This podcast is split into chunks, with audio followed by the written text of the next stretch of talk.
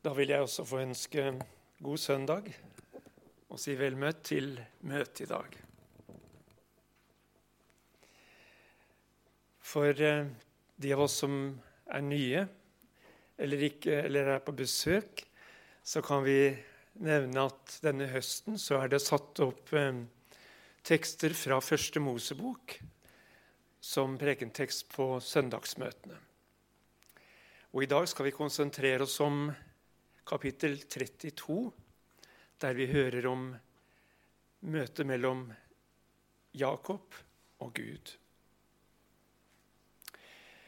Men som nevnt skal vi også trekke noen linjer til det som er teksten for denne søndagen, 25. søndag i treenighetstiden, den vi har hørt fra Matteus 14. Aller først hadde imidlertid lyst til å lese et avsnitt fra Salme 92.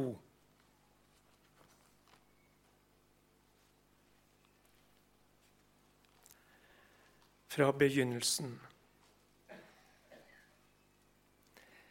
En salme, en sang for sabbatsdagen. Det er godt å prise Herren og lovsynge ditt navn du høyeste.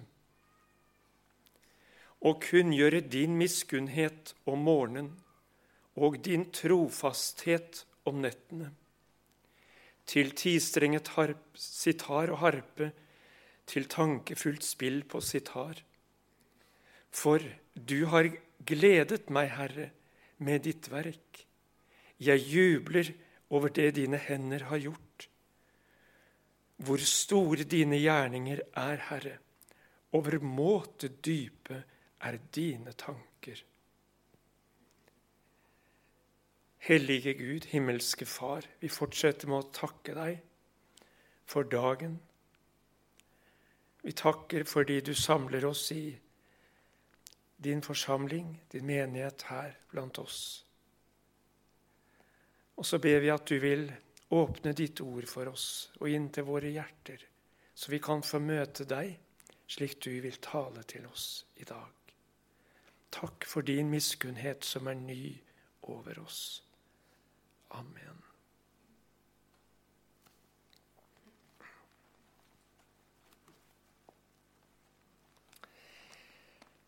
Jakob og Esau. Det er jo et brødrepar som eh, vi husker fra bibelhistorien. Og vi har vært innom det sist søndag for to uker siden.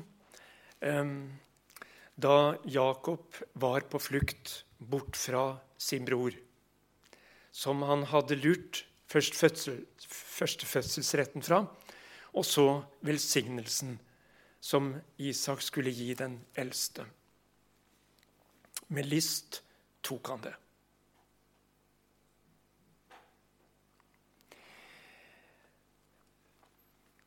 I Romerbrevet, det niende kapittel, så fører Paulus oss inn i Guds frelseshistorie med en rekke skriftsteder som kan være vanskelig å få tak i.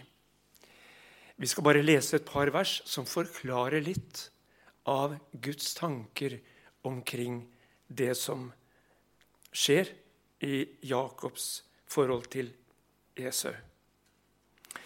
Romerbrevet 9. Vi leser fra vers 10. Det står om Rebekka. Hun ble med barn ved en mann, vår far Isak. Og da de ennå ikke var født, og ennå ikke hadde gjort verken godt eller ondt, for at Guds råd etter hans utvelgelse skulle stå fast. Ikke på grunn av gjerninger, men ved ham som kaller. Da ble det sagt til henne, den eldste skal tjene den yngste. Vers 16. Så beror det altså ikke på den som vil, eller på den som løper, men på Gud som viser miskunn.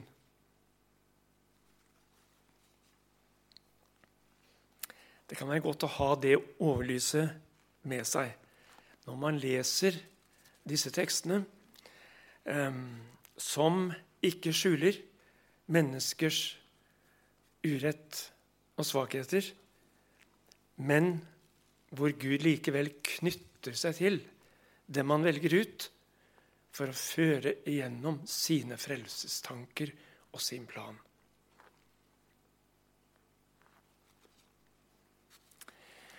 Når vi er kommet til kapittel 32,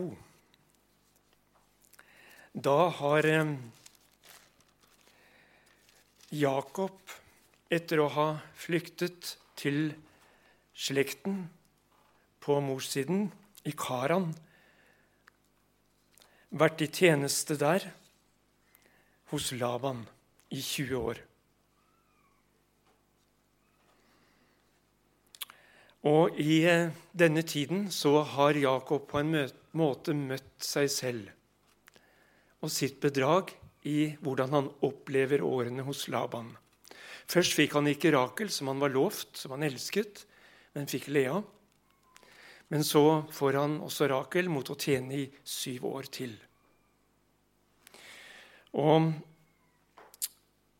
Jakobs innsats den er jo iherdig og stor i arbeidet. Og Laban får ham med på å tjene seks år til, til sammen 20 år. Men så leser vi i eh, kapittel 31 om at eh, Jakob legger merke til Labans ansikt. Han var ikke den samme som før mot ham. Og Herren sa til Jakob, leser vi der i vers 3.: Vend tilbake til ditt fedreland og til din slekt, og jeg vil være med deg. Da bryter Jakob opp, tar med seg sine koner, sine barn og sin budskap og gir seg på vei. Men Laban setter etter han. Han vil ikke gi slipp på en slik arbeidskraft så lett. Men Gud advarer Laban underveis om ikke å gjøre Jakob noe vondt. Og de slutter fred. Og så leser vi fra begynnelsen av i kapittel 32.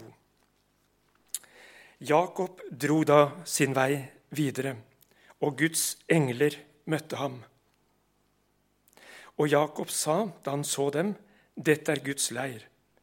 Og han kalte stedet Mahanaim. Så sendte Jakob bud foran seg til Esau, sin bror, i landet Seir på Edoms mark. Han bød dem og sa, Dere skal si til min herre Esau, så sier din tjener Jakob, jeg har oppholdt meg hos Laban og vært der helt til nå.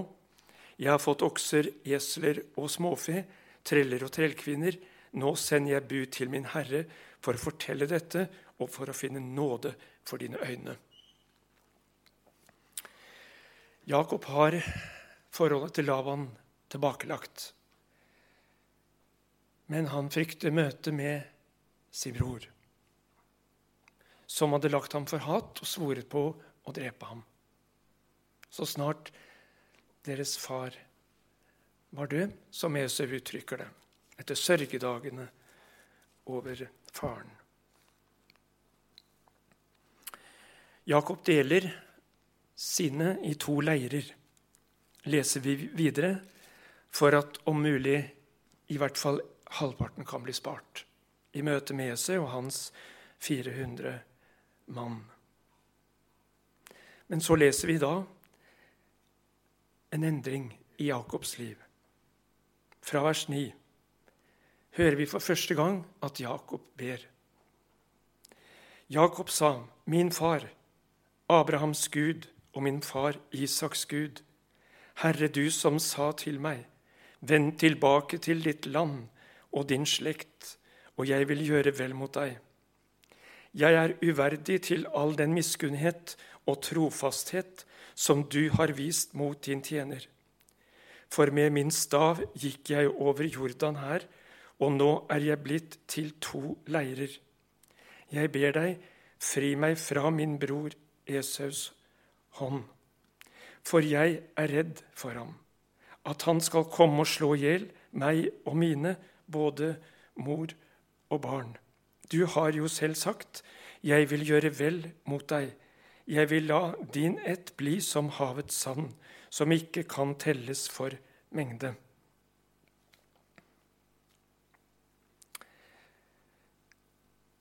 Jeg er uverdig til all den miskunnhet og trofasthet som du har vist mot din tjener.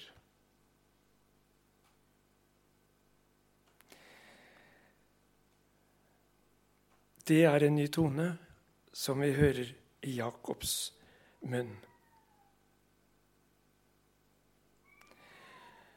Og så minner han Gud om det han har sagt, det han har lovt. Han viser tilbake til det Gud sa da han åpenbarte seg da Jakob var på flukt.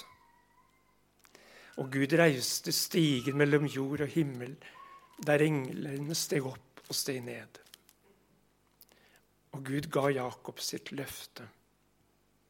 Den gangen virker det som om Jakob på en måte ikke var klar til å ta imot det. Og han ga i stedet Gud et løfte om at dersom du vil være med meg, da skal du være min Gud. Et betinget løfte. Det var Jakobs svar på Guds ubetingede løfte. Men nå klynger han seg til det Gud har sagt.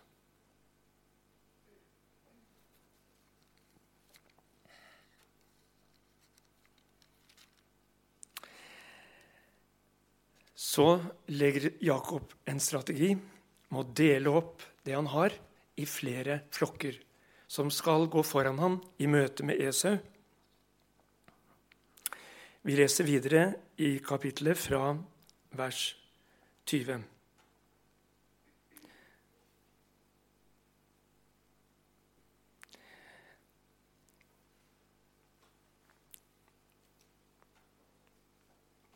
Jakob sier, 'Dere skal si:" Se også din tjener Jakob kommer etter oss. For han tenkte, Jeg vil forsone ham med den gaven som jeg sender foran meg. Og siden vil jeg selv møte ham, ansikt til ansikt. Kanskje han da vil ta nådig imot meg.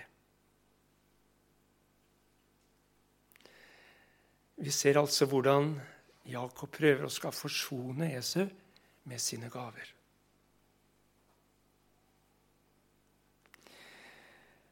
Så dro de i forveien med gaven, men selv ble han denne natten i leiren. Samme natt sto Jakob opp og tok sine to hustruer, de to trellkvinnene og sine elleve sønner, og gikk over vadestedet ved Jabok. Han tok og satte dem over elven, og førte også over alt det han eide. Så fortsetter vi. Jakob ble så alene tilbake da kom det en mann og kjempet med ham helt til morgenen grydde. Da mannen så at han ikke kunne overvinne ham, rørte han ved hans hofteskål, og Jakobs hofteskål gikk av ledd mens han kjempet med ham. Og han sa, Slipp meg, for morgenen gryr. Men Jakob sa, Jeg slipper deg ikke uten at du velsigner meg. Da sa han til ham, Hva er ditt navn? Han svarte, Jakob. Han sa, 'Du skal ikke lenger hete Jakob, men Israel.' For du har kjempet med Gud og med mennesker og vunnet. Da sa Jakob, 'Jeg ber deg, si meg ditt navn.' Men han svarte, 'Hvorfor spør du om mitt navn?' Og han velsignet ham der. Jakob kalte stedet Pniel, for, sa han, 'Jeg har sett Gud åsyn til åsyn og enda berget livet.' Og solen rant nettopp som han var kommet forbi Pnuel. Men han haltet på sin hofte. Derfor er det så til denne dag at Israels barn aldri eter spennescenen som er på hofteskålen, fordi han rørte ved Jakobs hofteskål på spennescenen.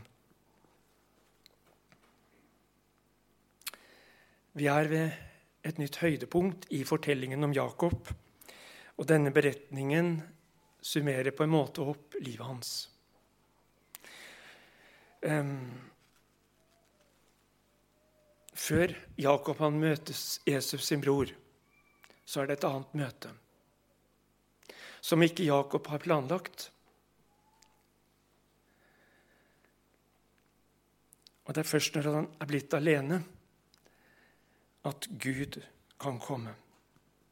En mann kommer og kjemper med ham. Jakob kjenner ikke Gud i denne skikkelsen. Kampen pågår til morgenen gryr.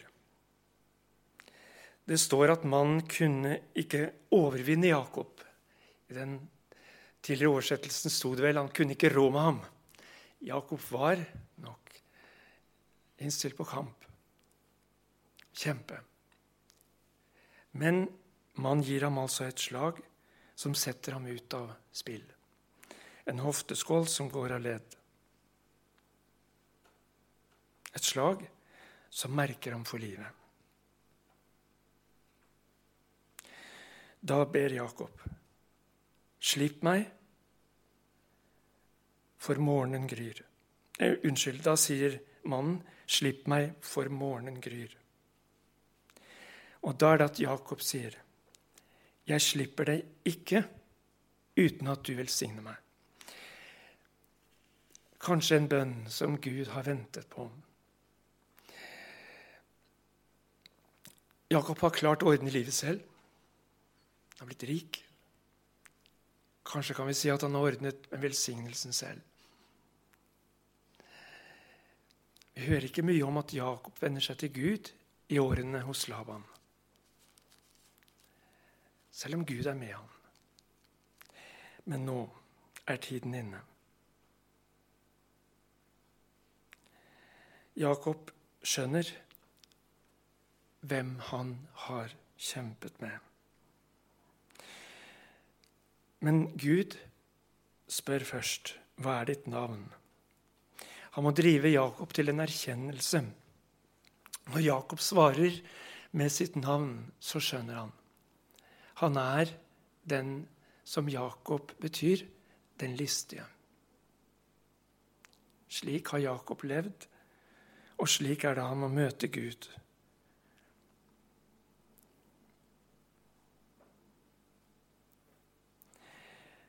Svaret han får, er du skal ikke lenger hete Jakob, men Israel, for du har kjempet med Gud og med mennesker og vunnet. Jakob vinner idet han lider nederlag overfor Gud. Gud får føre ham dit han vil, hvor han blir helt avhengig av Guds hjelp.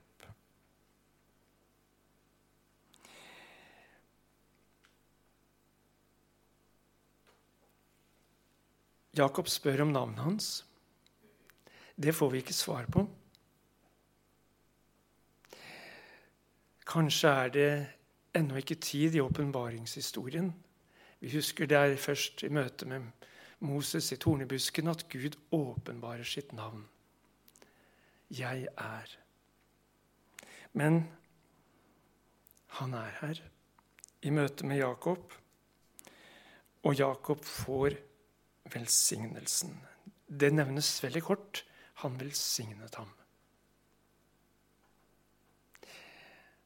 Men det var nok. Jakob kaller stedet Pniel, for jeg har sett Gud ansikt til ansikt og enda berget livet. Vi kan i hvert fall si her at Jakob får et møte med Gud ansikt til ansikt, i den forstand at han må fram for Gud. Jakobs kamp med Gud, det er at Gud eh, overvinner ham, og det er Jakobs sin seier. Da rinner solen, ikke bare bokstavelig, men også i livet hans. Han er merket, men han er velsignet av Gud.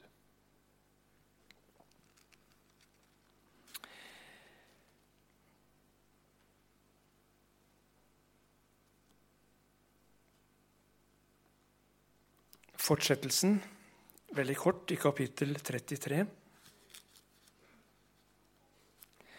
Møtet med Gud fritar ham ikke fra møtet Esau. Men eh, det viktigste møtet, eller kampen, den er kjempet.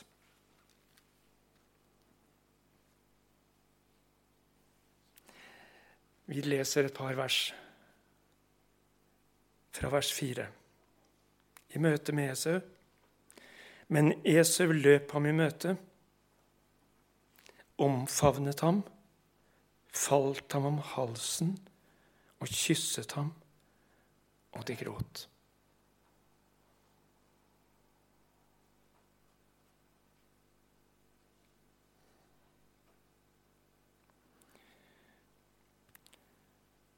Så vil de dele, vise at de er venner. Jakob sier i vers 10.: Har jeg funnet nåde for dine øyne, så ta imot min gave. For da jeg så ditt ansikt, var det som om jeg så Guds eget ansikt. Så vennlig var du mot meg.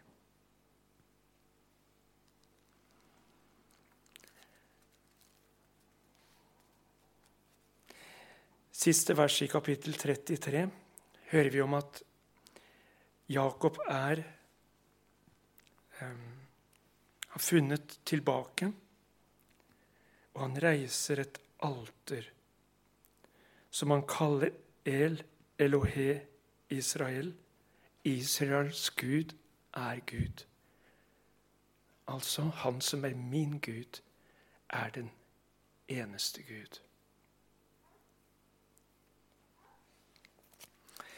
For å avslutte historien så kan vi ta med det siste verset i kapittel 35. Esø hadde jo sagt at så snart uh, sørgedagene for min far er over, for vår far er over, så skal jeg slå Jakob, min bror, i hjel. Så kommer de altså tilbake, Jakob og Esau, selv om de ikke bor på samme sted. Så står det i vers 29 siste vers i kapittel 35. Der står det om Isak, som ble 180 år. Så oppgav Isak ånden. Han døde og ble samlet til sine fedre, gammel og mett av dager. Esau og Jakob, hans sønner, begravde ham.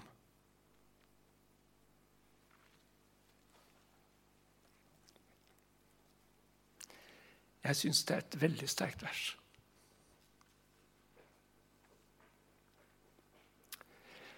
Det var en far som sa han skulle fordele arven til barna. Han hadde ikke så mye, men eh, han sluttet med å si Størst av alt er freden.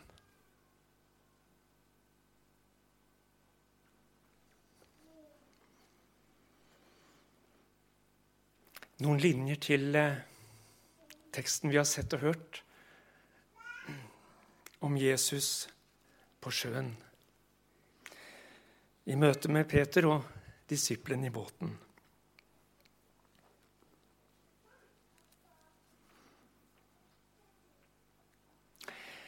Det er Matteus som har skrevet det vi har hørt, det vi leste. Markus har også fortellingen.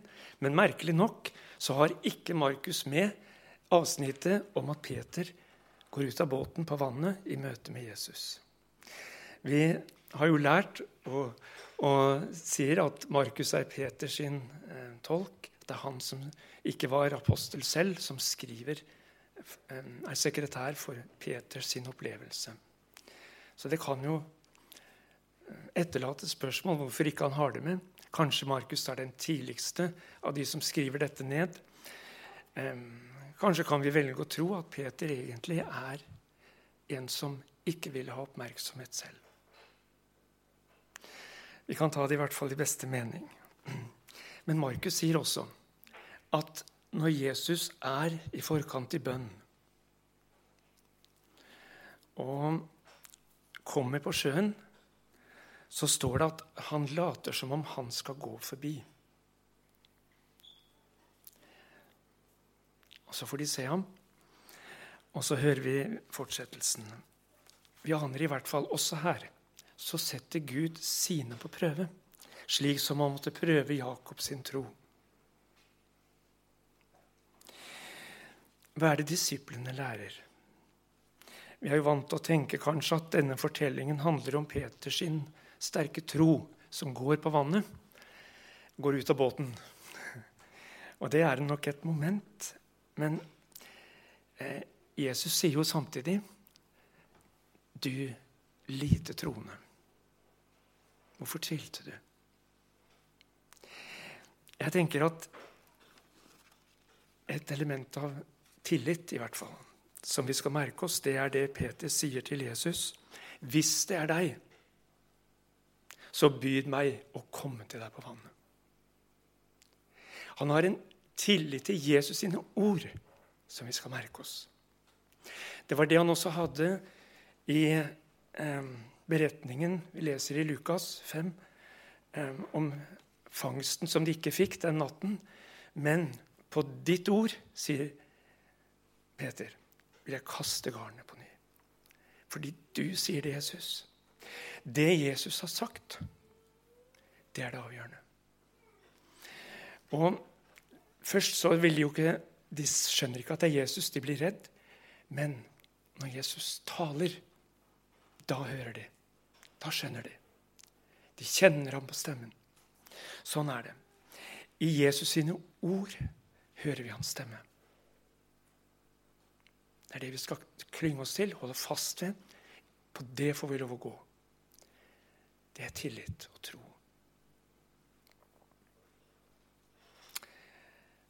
Og så det aller viktigste. Det er jo det at vår tro, den er til sist et rop om hjelp. Herre, frels meg. Det var dit Jakob måtte komme. Gud, vær meg synder nådig. Det står i profeten Hoseas kapittel 12 om Jakob. Han kjempet med engelen og vant. Han gråt og ba om nåde. Og Jesus strakte, rakte straks ut hånden og grep tak i ham. Det er nåde. Grepet av Kristus.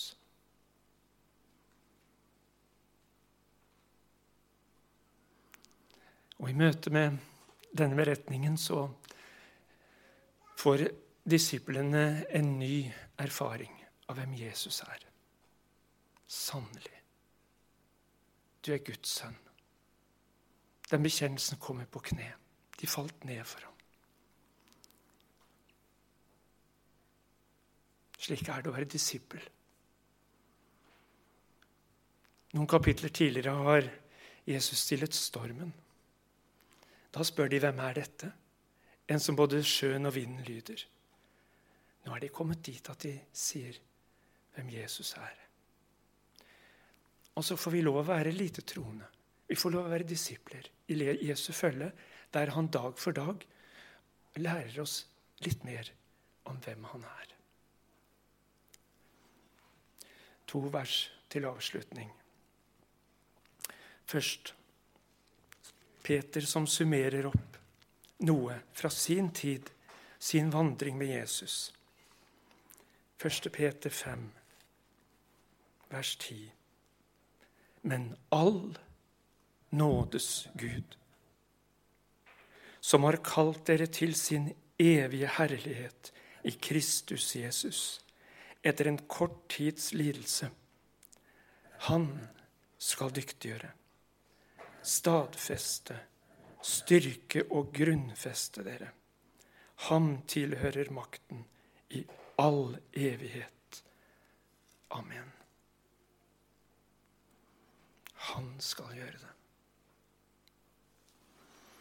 Og så Jesaja 43, 1.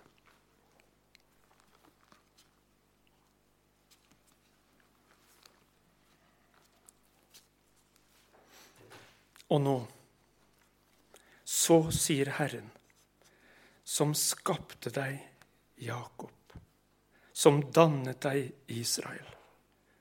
Frykt ikke. Jeg har gjenløst deg, kalt deg ved navn. Du er min.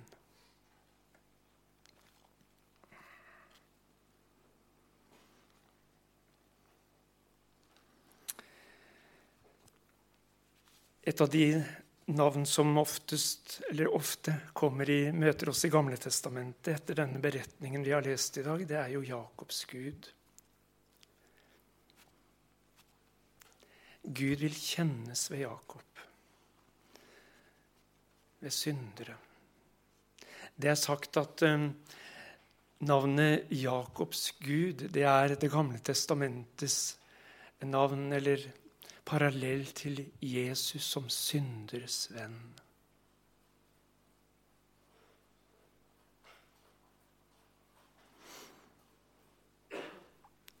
Sammenhengen her i Jesaja-boken det er jo et folk under Guds dom.